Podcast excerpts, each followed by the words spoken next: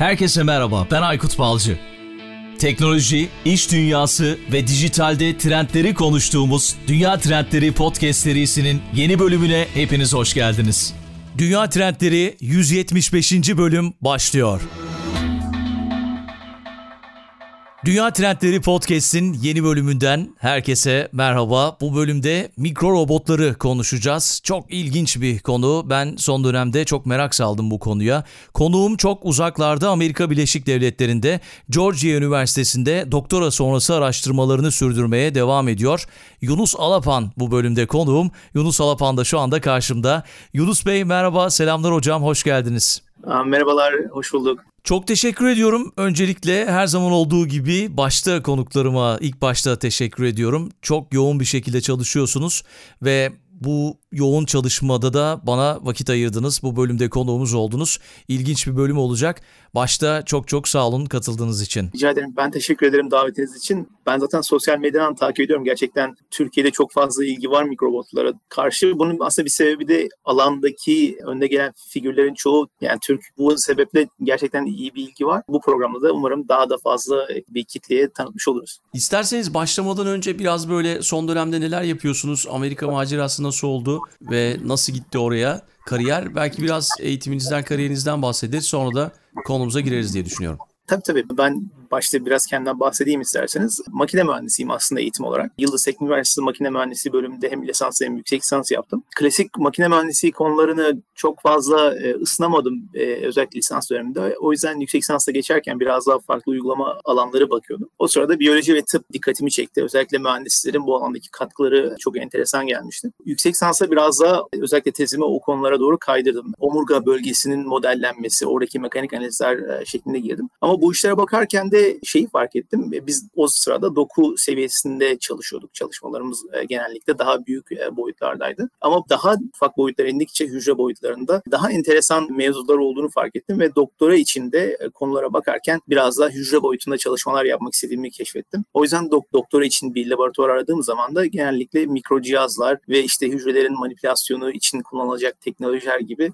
konulara bakıyordum. Bu sebeple de doktora için Amerika'ya geldim aslında. İlk Amerika'ya gelişim doktora için Cleveland, Ohio'da Case Western Reserve Üniversitesi'ne e, geldim. Orada Umut Gürkan Hoca ile doktora çalışmalarımı yaptım. Tabii ki oradaki e, çalışma konularımız mikro akışkan ve mikro üretilmiş cihazlarla hücrelerin manipülasyonu ve bu manipülasyon sayesinde de teşhis ve tanı sistemleri geliştirmek. Aslında daha da akıllı, daha e, kontrollü mikro sistemler olabildiğini fark ettim ve yeni gelişen bir alan olarak da mikro robotiği keşfettim. Bu da beni Almanya'ya, Stuttgart'a taşıdı. E, Max Planck Akıllı Sistemler Enstitüsü'nde e, doktora sonrası araştırmacı olarak çalışmaya başladım mikro robotik konusunda. Eminim ki son yıllar içerisinde mikro robot terimini herkes duydu, duyuyor ama ne olduğunu da bilmiyor. Ben böyle bu bölümde biraz basite indirgedim soruları belki ama yani sizin için basit, bizim için belki basit olmayacak. E, o yüzden de böyle temel sorularla başlayalım istiyorum. İlk defa duyanlar da olabilir bu arada tabii ki. Mikro robot nedir diye başlayabiliriz bence. Tabii mikrobot en genel en basit tabiriyle mikrometre boyutlarda aktif şekilde hareket edebilen ve programlanabilir bir makine olarak bence tanımlayabiliriz. Buradaki tabii ki mikrometreyi birazcık insanlara anlatmak gerekebilir. Milimetre biliyorsunuz santimetre metre. E, milimetre bizim normal günlük hayatta kullandığımız en ufak birimlerden bir tanesi. O milimetrenin binde birine mikron diyoruz. Bunun için en güzel verilen örnek e, bizim aslında bir saç telimiz. Tipik bir saç teli 100 mikron civarında oluyor. Yani bir saç teli kalınlığındaki ve diğer boyut boyutlarında bu civarda olduğunu düşündüğünüz makineler topluluğu diyebiliriz. Yani makinelerle uğraşıyoruz aslında. Yani saç teli kadar e, ufak makineler yapıyorsunuz. Bazen saç telinin onda biri e, boyutunda. Yani tipik bir hücremiz mesela bizim bir kırmızı kan hücremiz 7-8 mikron civarında. Biz bu boyuttaki hücre boyutundaki mikrobotları yapmaya çalışıyoruz. Anladım. Peki bu teknolojinin kökeni nedir? Ne zaman ve nasıl gelişti? Belki böyle bir tarihsel bir şey çizebilirsiniz bize. Tabii tabii. Aslında çoğu teknolojide olduğu gibi burada da birazcık bilim kurguyla başladı iş. İlk kayıtlara baktığımız zaman biz bundan 50-60 sene öncesine gidiyoruz. 1950'lerde birkaç tane bilim kurgu romanı ve 1959'da çok önemli bir konuşma var. Nobel e, Fizik Ödüllü Richard Feynman'ın Kaliforniya Teknoloji Üniversitesi'nde bir konuşması var. There is plenty of room at the bottom. Yani aşağıda aslında çok daha fazla alan falan var. Başlıklı bir konuşması var. Şimdi birazcık bunun için bir altyapıda vermek gerekirse 1950'ler almışlar tabii ki Amerika'nın, Rusya'nın soğuk savaş döneminde Ay'a gitmeye çalıştığı, uzaya çıkmaya çalıştığı, büyük şeylerin yapıldığı bir dönemde Richard Feynman bambaşka bir vizyon ortaya koyarak aslında küçük boyutta da yapılacak çok fazla iş var diyor ve çok enteresan konulardan bahsediyor. Bunlardan bir tanesi de mikrorobotlar tabii ki. Orada verdiği örnek şu e, bir tane e, kalp damar cerrahı arkadaşının e, fikri biz bir ufak mikron boyutundaki bir makineyi yutabilsek ve bu makine bizim damarlarımız içine dolaşıp kalbimizi kontrol etse ve bir sıkıntı gördüğü zaman çıkarıp makasını düzeltse gibi bir vizyon ortaya koyuyorlar. Burada da hatta çok enteresan bir terim olan cerrahı yutmak diye bir kavramı böyle şey literatüre kazandırmış oluyorlar. Bundan 10 sene içinde de 1966'da Hollywood'da çok enteresan bir film yapılıyor. Fantastic Voyage ya da Fantastic e, Seyahat diye çevirebileceğimiz Stephen Boyd ve Raquel Welch o zamanın ünlü aktörlerin, e, aktrislerin oynadığı bir film. Orada da yine e, benzer bir kurgu var. Soğuk Savaş dönemi bir tane bilim ya insan, hem Rusya'da hem Amerika'da insanları ve işte büyük cihazları e, mikron boyutuna indirebilecek bir teknoloji var. E, sonra Rusya Amerika'daki bir bilim adamını e, zehirliyor. İşte beyninde bir tıkanıklık oluşuyor ve bunu açmak için de bir tane denizaltıya işte bir ekip biniyor bizim aktör aktrislerimiz de olduğu içinde işte kahramanlar var, işte doktorlar var falan. Bütün o denizaltı içindeki insanlarla beraber ufaltılıyor. Daha sonra bu denizaltı bu e, şah damarından bu şeyin hastanın kan damarlarına injekte ediliyor ve bu denizaltı ile beraber damarların içinde yüzüp o sıkıntılı alanı bulup çözmeye çalışıyorlar. Teması bu şekilde. Tabii bu çok fazla bir yankı uyandırıyor.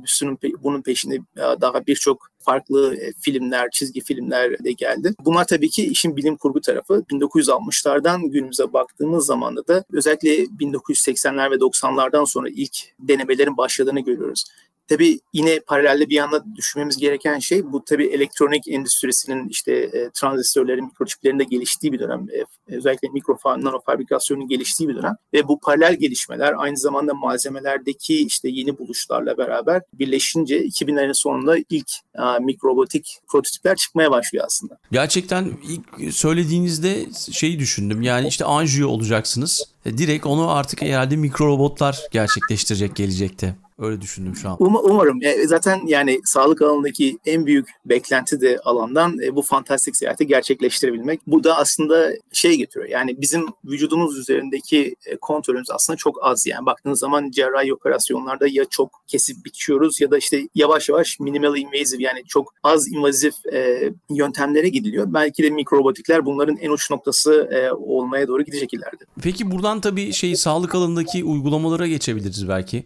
Hangi alanlarda şu anda uygulanıyor? E, şu an tabii ki klinik olarak uygulanan bir mikrorobot yok. Birkaç clinical trial yani klinik deneme yapılan, başlatılan birkaç teknoloji var. Ama genel olarak özetlemek gerekirse en büyük beklenti sağlık alanındaki uygulama açısından kanser terapisi. Belki de bir nebze e, kök hücrelerin yaralı dokulara, içerideki organlara sistematik bir şekilde, kontrol bir şekilde taşınması olabilir. Bildiğiniz gibi kanser terapisinde ve aslında bunun gibi daha farklı birçok hastalıkta bizim temel yaklaşımımız ilacı yutarak e, vücudumuza sistemik bir şekilde almak. Bu da e, ilacın birçok aslında çoğu kısmının farklı istemediğimiz organlara gitmesine sebep oluyor. Bu da bizim dozumuzu limitlememize sebep oluyor. Yani çok az doz verebiliyoruz ve bunu tekrar tekrar tekrar vermemiz gerekiyor ve bunun temel sebebi de istediğimiz yere istediğimiz oranda ilacı götüremiyoruz. E, mikrobotların en büyük önerdiği gelişim ya da sonuç aslında istediğiniz yere kontrol bir şekilde o ilacı götürebilmek. Bunu yapabilirsek de tabii ki e, çoğu şey değişebilir. Gerçekten heyecan verici ve merakla takip ettiğim bir durum. Yani o verdiğiniz örnek de çok önemli. Yani biz bir ilaç yuttuğumuzda o başka bir yere de bir zarar verebiliyor ama nokta atışı mı yapıyoruz eğer mikrorobot olursa? Öyle anladım değil mi? Evet evet asıl amaç bu. Nokta atışı taşıyabilmek, nokta atışı bizim verdiğimiz terapileri nokta atışı bir şekilde götürebilmek. O zaman az önceki sorduğum soruyu belki şöyle sormam gerekiyordu.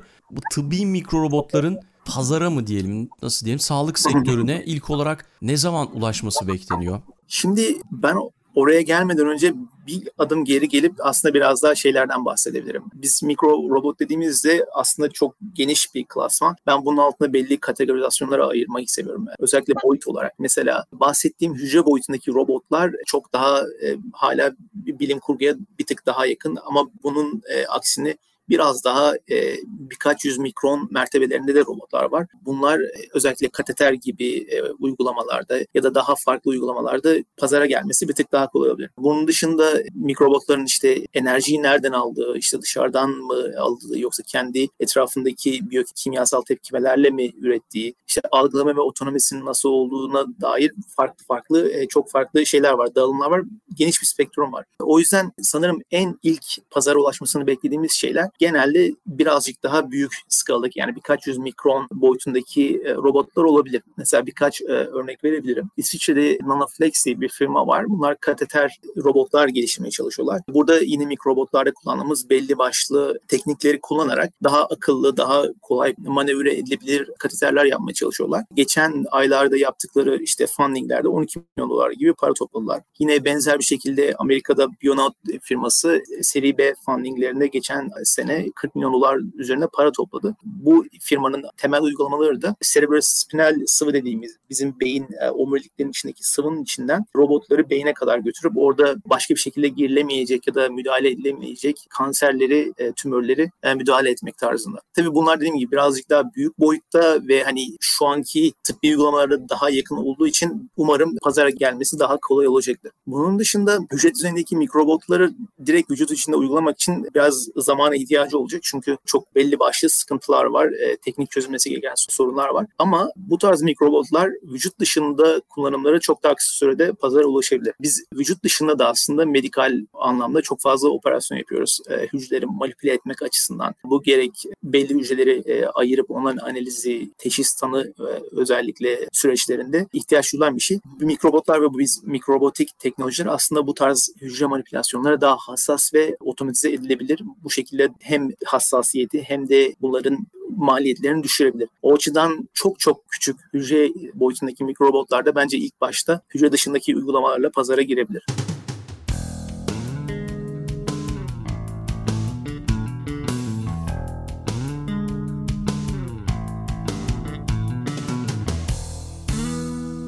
Teknik bir takım zorluklar olduğundan bahsettiniz ya başka ne gibi zorluklar var? Mikro robotların zorlukları neler daha doğrusu? Tabii aslında daha basit bir seviyeden başlamak gerekirse en büyük zorluk genel olarak alanın en büyük zorluğu bizim büyük boyuttaki robotlarda kullandığımız teknolojileri ve araçları bu boyutlarda kullanamıyoruz. E, klasik motorları ya da sensörleri, elektronik e, sensörleri ve motorları biz mikro boyutlarda kullanamıyoruz. Fizik kuralları aynı olsa da fiziksel büyüklüklerin farklı e, miktarlarda değişiyor. O yüzden yeni e, yaklaşımlara ihtiyaç duyuyoruz. Burada Burada iki farklı aslında yaklaşım var. Özellikle hücre boyutlarındaki mikrobotlarda. Bir tanesi biyoesinlenmeyle yapılmış mikrobotlar. Buradan kastım şu. Biz doğaya bakıyoruz. Özel mesela e, bir sperm hücresini e, biliyoruz nasıl yüzdüğünü veya bir bakterinin işte kamçısıyla nasıl yüzdüğünü biliyoruz. Onların kullandığı fiziksel mekanizmaları anlayıp daha sonra onları biz sentetik bir şekilde mikrofabrikasyonla üretip kullanıyoruz. Biz bunlara işte biyoesinlenmiş mikrobotlar diyebiliriz. Diğer ikinci yaklaşım ise biyohibrit robotlar diyebiliriz. Bu biyohibrit robotlardaki temel yaklaşım biyolojik bir canlıyı alıp onun ya özelliklerini manipüle edip değiştirip ya da üzerine ekstra özellikler ekleyerek kendi ajanımız haline çeviriyoruz. Yani onları bir trojan atı gibi kullanabiliriz. Mesela e, yüzen bir bakteriyi e, alıp üzerine kendimiz nano parçacıklar ekleyerek,